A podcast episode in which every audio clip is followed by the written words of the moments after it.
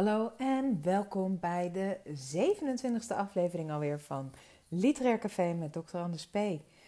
En vandaag de review van een boek wat ik heb geluisterd.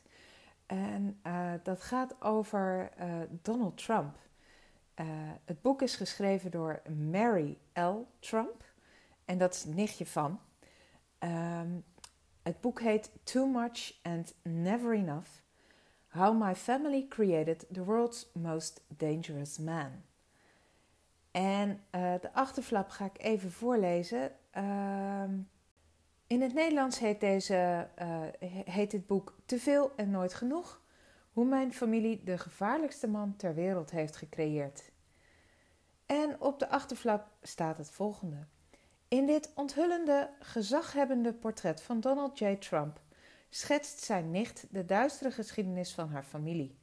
Mary Trump bracht haar jeugd grotendeels door in het imposante huis van haar grootouders, waar Donald met zijn broers en zussen opgroeide in een nachtmerrie vol trauma's, destructieve relaties, verwaarlozing en psychische mishandeling.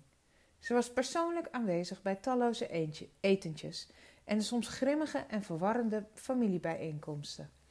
Mary vertelt alles. Van Donalds plek in de schijnwerpers van de familie tot de verschrikkelijke manier waarop hij zijn vader afdankte toen hij Alzheimer kreeg. Mary's inzicht en haar familieband zijn cruciaal in deze onthullende biografie, die blootlegt hoe familiepatronen en de schadelijke relatie met zijn vader de beschadigde man hebben gecreëerd die Trump nu is. Alleen een insider kan deze zenuwslopende saga vertellen. En Mary is de enige die bereid is om openheid te geven over een van de machtigste en meest dysfunctionele families ter wereld. Nou, dat belooft wat. Um, ik heb dit boek geluisterd in het Engels uh, deze week. Uh, en het is uh, Mary L. Trump die het schreef. Het is een verhaal dat meer inzicht geeft in de handel en wandel van Donald J. Trump. Het was voor mij echt wel een eye-opener. Over zijn gedrag ook voornamelijk. En laat me vooraf even zeggen, ik heb niks met Donald Trump. Echt helemaal niks. Ik vind zijn presidentschap een, op zijn zacht gezegd, merkwaardige keuze van de Republikeinen. En er wordt ook gezegd dat het land de president krijgt dat het verdient. Ik weet niet zo goed wat dit over Amerika zegt. Ik denk dat ik die conclusie maar even aan jullie laat. Um, Mary L. Trump is psycholoog en zij is de dochter van de oudste broer van Donald Trump. En zij doet dus een boekje over, open over hoe Trump, uh, de Trump-familie in elkaar steekt. En wat voor bijzonderheden en eigenaardigheden er zich in dit gezin hebben afgespeeld. Van de vroege jaren 40 tot de huidige tijd. Nou, het Trump-gezin bestaat uit twee zussen en drie broers: Marianne, Fred Jr., de vader van de schrijfster, Donald, Elizabeth en Robert. En Fred Jr. was de beoogde opvolger van zijn vader, Fred, in het vastgoedimperium. Maar Fred Jr. wilde eigenlijk liever piloot worden, alleen vond papa Fred dat niet zo goed.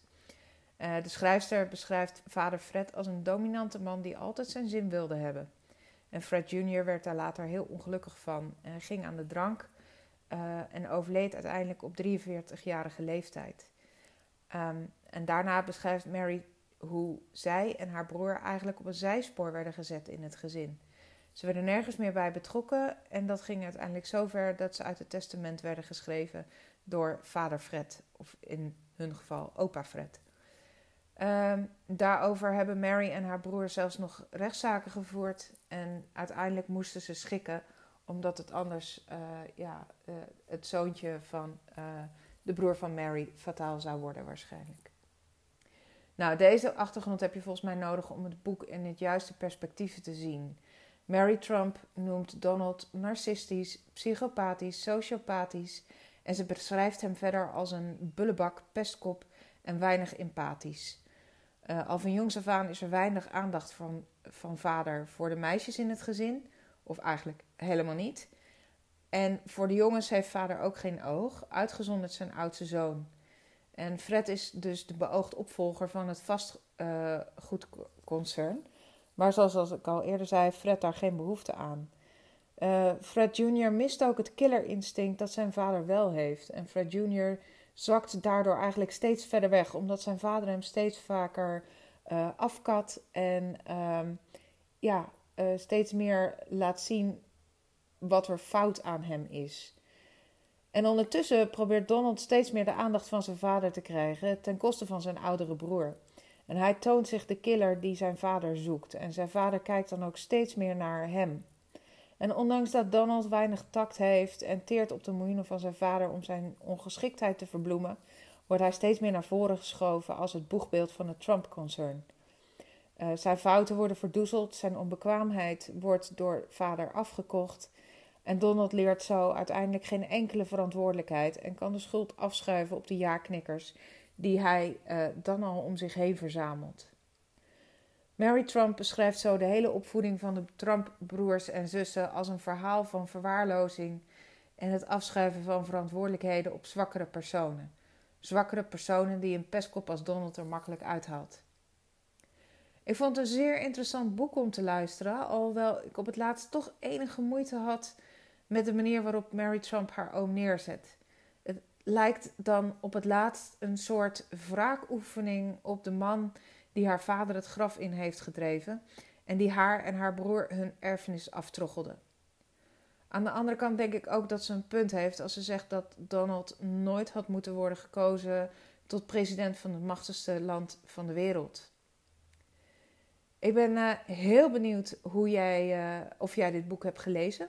Uh, en of je het naar aanleiding van deze review ook gaat lezen. En als je het dan gaat lezen, wat vind je dan van het boek? Dit was dan de 27e aflevering van Literair Café met Dr. Anders P. En ik reviewde vandaag Mary L. Trump, Too Much and Never Enough. How My Family Created the, most, the World's Most Dangerous Man. Tot de volgende keer.